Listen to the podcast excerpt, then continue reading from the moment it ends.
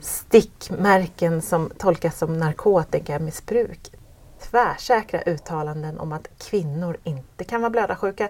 Ja, okunskap och fördomar är något många blödarsjuka stöter på i sin vardag. Irriterande, visst, men inte bara. Ibland kan fördomar och okunskap göra att man begränsar sig i onödan. Ibland kan de till och med vara farliga. Välkommen till ett nytt avsnitt av Blödigt värre. Podden om att leva med blödarsjuka med mig, Johanna Powers Darlington. Idag är vi i Göteborg och ska träffa en ung kvinna som möts av en hel del oförstånd. Hej Sara! Hej! Hej! Först berätta, vem är du? Jag är 23 år eh, och jag eh, fick eh, diagnosen ITP när jag var 8 år. Så jag har haft det ett tag nu. Ja.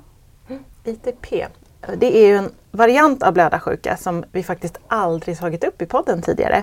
Jag ska dra några fakta för våra lyssnare så att de får lite koll ifall det är någon som inte vet vad det är. De blödarsjukdomar som vi pratat om mycket tidigare det är ju framförallt von Willebrands sjukdom och hemofili. De är ärftliga sjukdomar båda två som orsakas av brist på von Willebrands faktorn som är ett äggviteämne i blodet som behövs för att blodet ska koagulera normalt. Eller i hemofilifallen då eh, brist på koagulationsfaktor 8 eller 9. Hemofili drabbar ju nästan bara män medan både män och kvinnor kan ha von Willebrands. Men nu då, tillbaka till ITP Ja. som du har Sara. Det är en annan form av blödningsrubbning som innebär att antalet trombocyter sjunker till en så låg nivå att blödningar lätt uppstår. Och till skillnad från eh, von Willebrand och hemofili så är ITP inte ärftligt. Nej, precis. Och sjukdomen dyker upp spontant, ofta efter en virusinfektion eller vaccination. Och det orsakas av att immunförsvaret angriper trombocyterna istället för viruset. Precis. Och vanligast är att den drabbar yngre barn eller personer över 65 år. Och ofta läker sjukdomen ut av sig själv men hos ungefär ett av fem barn så blir den kronisk. Precis. Där har vi det. Du fick alltså din diagnos när du var åtta år. Ja. Vet du vad det var som triggade igång ITPn? Nej, jag har ingen aning. Och jag vet inte, jag kan ha haft det längre än, eh, eller tidigare innan jag blev åtta. Men eh, det var då vi märkte att jag hade mycket blåmärken och så. Var det det som gjorde dina föräldrar misstänksamma? Eh, ja, jag hade ett jättestort blåmärke på min rygg som jag inte visste var det kom ifrån. För jag vet knappt när jag får blåmärken vart de är ifrån. Liksom. Och så hade mamma bokat tid hos en läkare då. Eh, och sen hade jag sån här undersökning hos skolsyster och då såg hon det. Och jag sa att jag vet inte var det kommer ifrån och så. Så de tog ju in mina föräldrar på möte och eh, liksom sluta slå Sara. För det var ju det de antog att jag blev misshandlad hemma. Eh, och då sa mamma det att liksom, vi har sett blåmärket, vi har bokat tid, vi ska åka till läkaren i övermorgon. Liksom. Så att det var så jag fick diagnosen eh, ITP. Tog det lång tid innan du fick den diagnosen? Ehm, jag kommer faktiskt inte ihåg exakt hur lång tid det tog. Men jag kommer ihåg att vi tog blodprov och sen så var vi, jag vet inte hur långt efter, men så var vi hos en, eller min lilla syster hade Lucia-firande på dagis. Eh, och då ringde de till mamma och bara kom in med Sara till akuten nu. För då trodde de att det var leukemi först. Och sen så var det, vi var där ungefär hela natten och sen på morgonen, tidig morgon där, så fick vi reda på att det var inte leukemi utan att det var ITP. De typiska symptomen är ju framförallt att man lätt får blåmärken men man kan ju också få näsblod och Mm. blödningar i munnen och sådär, eller hur? Kanske också blod i urin?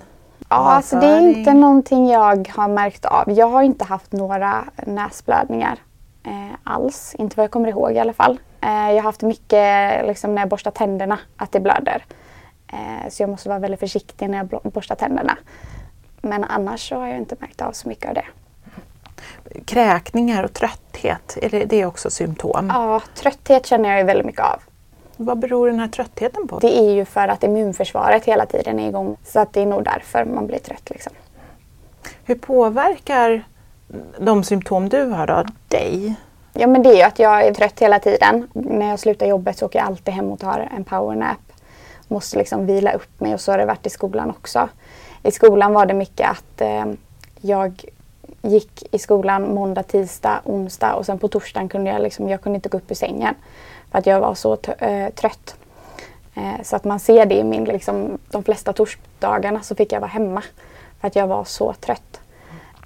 Så att det är ju sådana grejer som har påverkat väldigt mycket. Att jag går runt och är trött hela tiden och att jag orkar inte med lika mycket som alla andra gör. Eh, och sen så påverkar det ganska mycket med blåmärken och sånt. På sommaren går det inte att göra runt i shorts eller kjol eller så.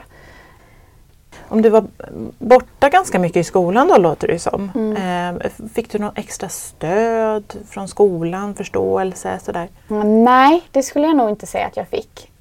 Det var inte så pratat om att jag hade ITP. Det var liksom ingenting som alla lärare visste eller liksom så här, skolsyster visste det och min liksom mentor visste det.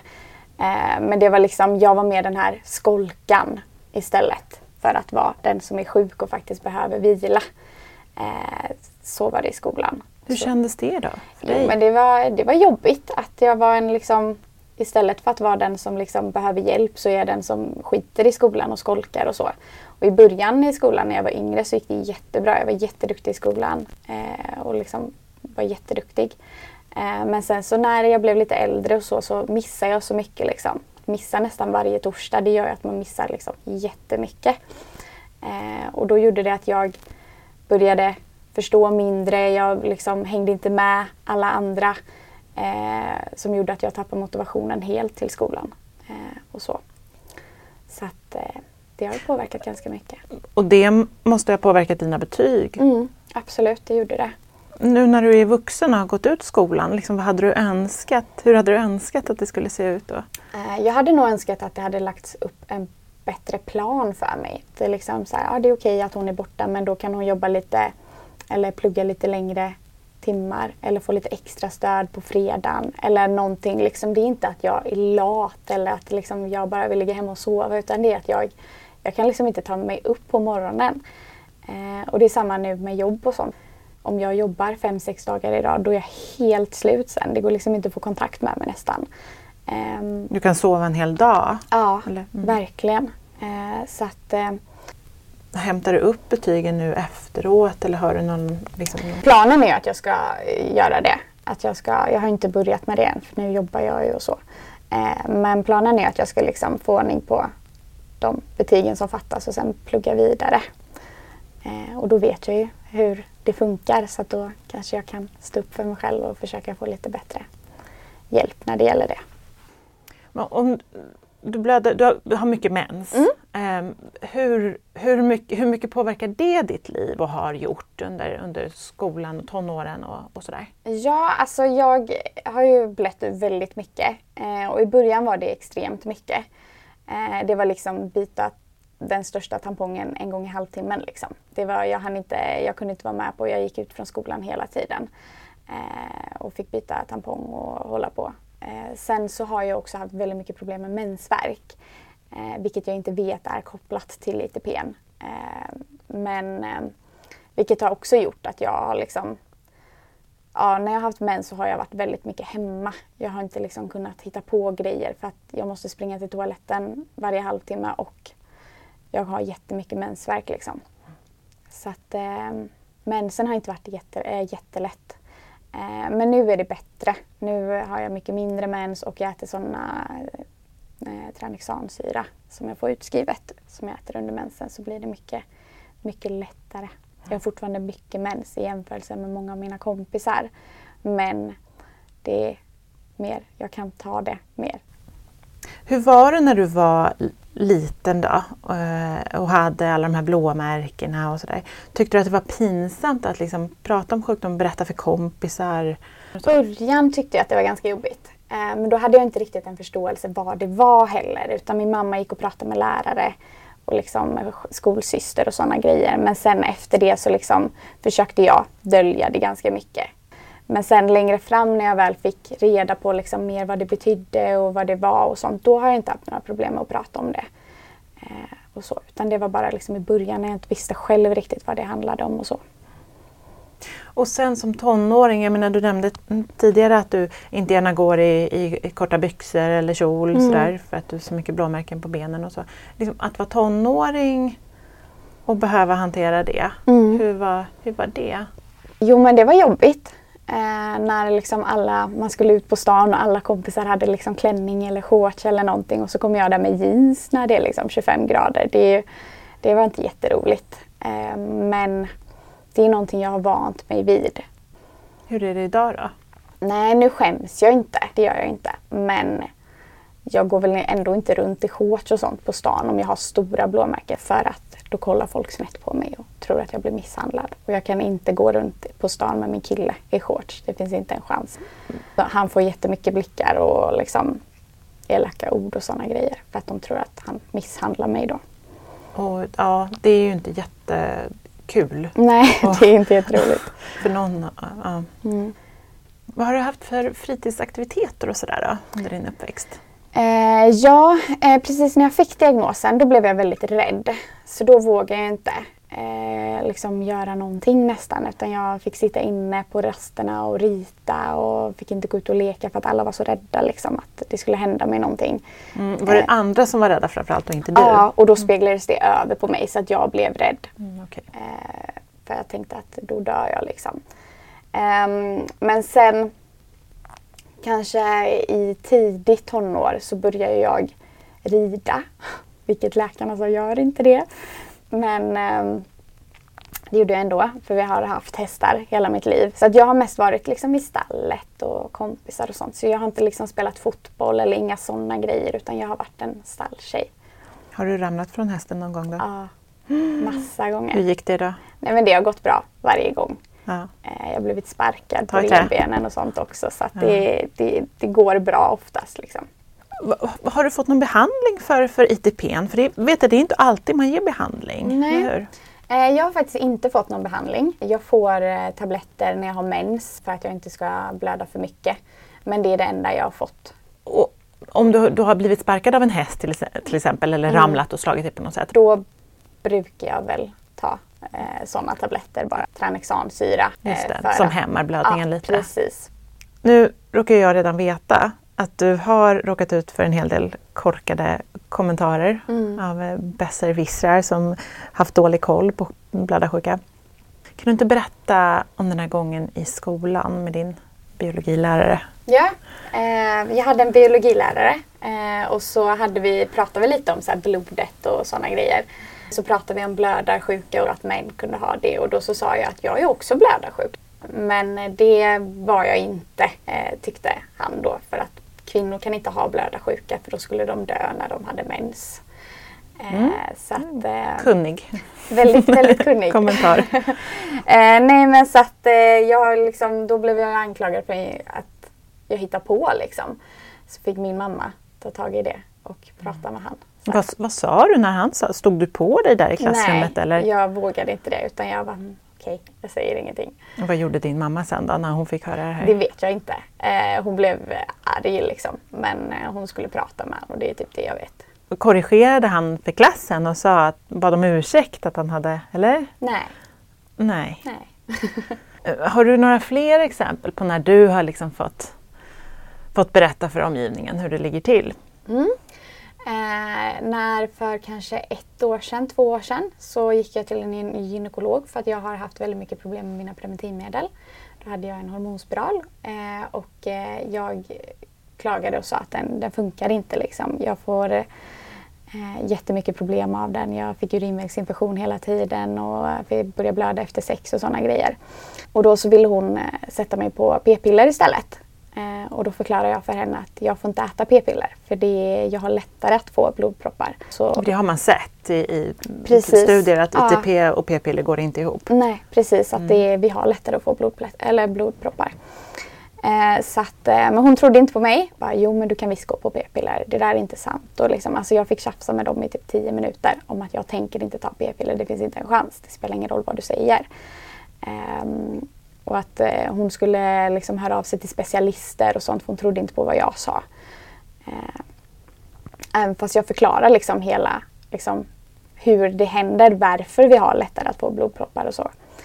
Eh, så att det är jättetråkigt att man ska behöva tjafsa med läkare eh, om vad, liksom, vad som är bra för mig. För att jag har koll på vad som är bra för mig. Men det har inte de. Nej. Nej.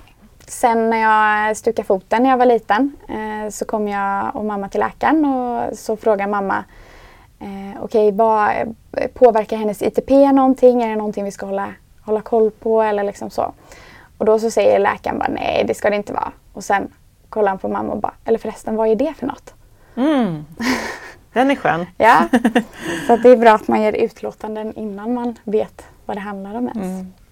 Kan du få någon hjälp av din specialistläkare med information som du liksom kan ta med dig till din ja, men, tandläkare, eller gynekolog eller ungdomsmottagningen eller, eller så? Mm, jag har inte, alltså jag har hoppat väldigt mycket från olika läkare. Eh, sen jag gick in på vuxen då så har jag haft typ tre, fyra olika eh, ITP-läkare. Så att, eh, jag skulle nog inte säga att jag får någon liksom, information att föra vidare. Men typ eh, om jag ska dra ut en tand eller så, som jag skulle göra innan jag fick tandställning.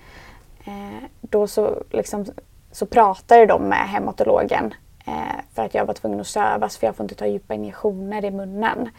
Eh, så så sätt att de återkopplar och pratar med en hematologläkare är det ju. Men jag har liksom ingen information från läkarna som jag kan ge fram och bara så här är det liksom. Utan jag går bara på det jag kan liksom och vet och så. Mm. Skulle det vara skönt att ha? Ja. Det typ hade en, en liten informationsbroschyr. Ja, jo, men det hade nog varit eh, ganska skönt att kunna liksom ge den till läkaren och bara så här är det, punkt slut. Liksom. Tjafsa inte med mig mer, jag orkar inte. Liksom. Eh, så det hade varit ganska skönt att ha tror jag. Men hur tänker du generellt om att det ändå är så pass dålig kunskap i ja, primärvården? Alltså, det kan ju vara livshotande. Ja, jag tänker att det vore skönt att slippa tjafset om inte ja. annat. Att man kan få något, jag hör vad du säger, jag, jag kollar upp och återkommer. Precis. Något sånt istället. Ja, det hade varit trevligt. Ja. Mm. Um, du tog upp lite att du att blött efter sex ibland och sådär. Mm. Jag tänker att det här, det måste ju vara en grej som man måste ta upp med sin kille eller, alltså, eller tjej om det är så. Uh. Um, hur har det varit för dig? Har det varit liksom en enkel grej att prata om? Ja, av en relation? ganska. Eh, det jag aldrig, alltså nu har jag bara haft liksom en lång seriöst förhållande.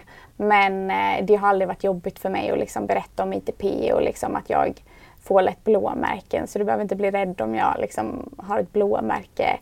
Eh, och att liksom, det kan blöda efter sex men det är liksom ingen fara. Eh, och så. så att, eh, liksom, han tog emot det jättebra så det var liksom ingen, ingen fara. Eh, och det har jag inte riktigt känt.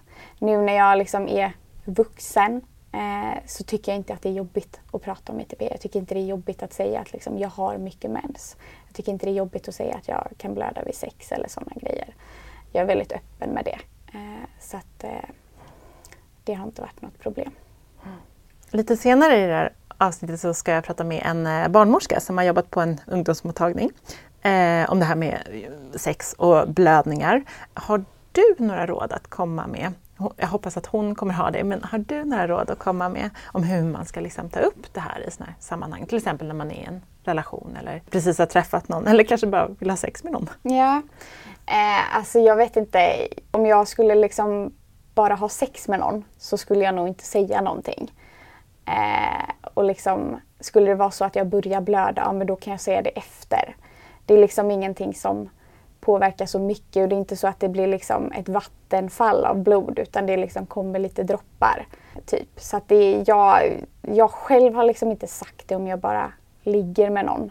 Eh, men har liksom berättat för min pojkvän. Eh, och Alltså det är bara att säga. Det är liksom inte, du, inte, du smittas inte, det är liksom ingenting farligt utan det är bara att så här kan det bli. Ehm, så att det skulle jag, det är liksom aldrig någon jag har sagt det till som har tagit emot det på ett dåligt sätt eller liksom reagerat på ett konstigt sätt utan alla är så här, ah, okej okay, liksom, fine typ. Men vi kör ändå liksom. eller så. Mm. Så att det har aldrig varit ett problem och det tror jag inte att det skulle vara för någon faktiskt. Nej. Det hoppas jag inte i alla fall. Nej, nej. nej. om det inte är så att man verkligen har en tendens att blöda jättemycket ja. då blir det ju då är det ett annat läge tänker jag. Ja, absolut. Eh, något som du inte varit med om än, mm. eh, men som kanske kommer i framtiden, vem mm. vet? Det är det här med att skaffa familj. Ja. Mm. Har du tänkt någonting på det? Graviditet och förlossning och sånt? Jag tänker att du har ju mött en hel del okunskap inom Mm. den liksom vanliga vården. Jo, alltså jag är jättenervös. Eh, för jag vill verkligen, verkligen ha barn. Så det är liksom, det är min framtid. Än så länge i alla fall. Men jag är jättenervös för graviditet och förlossning. Speciellt förlossning eh, faktiskt. Eh, på grund av min ITP. För att som du säger, det är så mycket okunskap och eh, liksom ja, om jag går till en barnmorska eh, under min tid under min liksom, graviditet och sen så helt plötsligt så är hon inte tillgänglig under min förlossning till exempel. Och att jag får någon annan som jag inte har liksom, pratat mycket om med det. Det tycker jag känns jättejobbigt. Så jag är jättenervös för min förlossning. Eh, men jag vet att jag kommer gå hos eh, specialmödravården. Eh, men ja, det är jätteläskigt faktiskt. Kan det inte finnas någon som du kan prata med om det här? Någon som, liksom, ja, men som har koll på din situation och som på något sätt har erfarenhet av förlossning? Alltså jag har, just nu har jag ju ingen som är liksom erfaren över hur jag har haft min ITP och liksom har hela min historia mer än min mamma typ. Eh, och min mamma har ju fått barn obviously. Så att eh, det är väl typ henne jag kan prata med om sådana grejer. Eh, men läkare och så har jag liksom ingen jag kan diskutera sånt med. Eh, jag går ju till hematologen en gång om året, varannat år eh, och tar blodprov och går in och pratar i tre minuter och sen går jag hem. Liksom. Så att jag har ingen riktig liksom, läkare som faktiskt lägger tid på mig och liksom, eh, diskuterar sådana saker. Utan det är liksom, man kommer in, man går ut. Du kanske får ta med din mamma på förlossningen? Det får jag göra. Tack snälla Sara för att du har delat med dig av alla dina erfarenheter. Ja, tack själv. Men du som lyssnar, du måste stanna kvar för nu ska vi tillbaka till Stockholm och barnmorskan och skolsjuksköterskan Anna Andersson.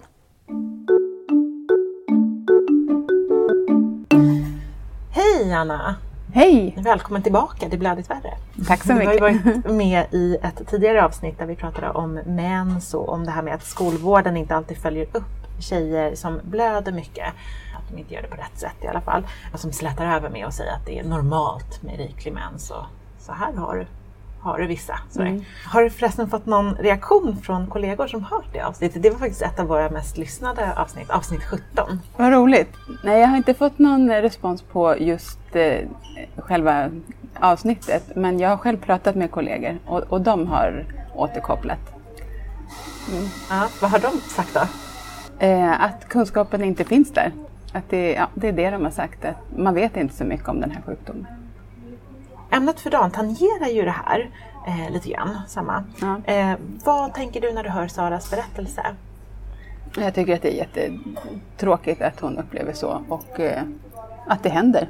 Och jag tänker att man kanske bör stärka henne i att, eh, att få sina rättigheter eller veta vad hon har för rättigheter. Vi sitter på ett café idag ska jag säga, ifall det bullrar lite i bakgrunden här, ni som lyssnar, så ni vet vad det beror på. Det är ju inte ovanligt att det uppstår blödningar, alltså både inre och yttre, eh, vid samlag. Eller? Ja, ja. Mm. Vad beror det på? Eh, förmodligen att eh, båda parter inte har väntat tillräckligt länge och få varandra tillräckligt upphetsade eller sugna på att ha sex. För mycket friktion helt Ja, enkelt. och för snabbt på med penetrerande samlag. Jag har hört berättelser från eh, blödarsjuka om, om situationer där det blivit väldigt, väldigt blodigt i just sådana här sammanhang. Ehm, jag tänker att det måste ju kunna vara, det måste vara rätt skrämmande som partner att vara med om det här. Det Ja, blir väldigt blodigt helt plötsligt. absolut, om man inte är förberedd. Ja, hur ska man hantera en sån grej som partner tänker jag? Ja, jag hoppas att den andra personen vågar berätta för sin partner. Eh, och det tänker jag är sånt man kan komma till ungdomsmottagningen med. Frågor om hur man ska berätta, vilket tillfälle. Eh, om man ska berätta det alltså, när man inte är intima. Eller om man ska berätta det precis just då. Ja. Sådana frågor kan man komma med till ungdomsmottagningen om man känner att det är svårt. Ja, ja och vad säger det är alltså, En ny relation, man kanske, det kanske inte ens är en relation relation. Alltså, det kan ju vara en tillfällig. Ja. Och då kanske inte det Då första det man vill berätta. då är man inte så planerad kanske. Han börjar blöda. Nej. Det är kanske inte det mest tändande. Nej. Vad, vad, säger, vad ger ni för råd då? Sån, om någon skulle komma till en ungdomsmottagning eller som skulle komma, skulle komma till, till dig och, och, och, och säga, jag vet, inte, jag vet ju att jag bör, behöver berätta det här, men när ska jag berätta det? Ja, gärna innan tänker jag. Så att den andra partnern får en chans att, att agera. För jag tänker att man kan, kan agera på flera olika sätt som kanske inte är så roliga för den andra partnern. Eh, att man blir chockad, att man tror att man har gjort något fel också. Så jag tänker att förberedelse skulle vara jättebra om man kan. Mm, okay. om man, hur ska man prata om det? Då tror jag, jag tror man får prata i jag-form. Att om jag inte är tillräckligt upphetsad då kommer inte jag kunna ha sex med dig. Då måste vi ha något annat hjälpmedel eller ha sex på något annat sätt.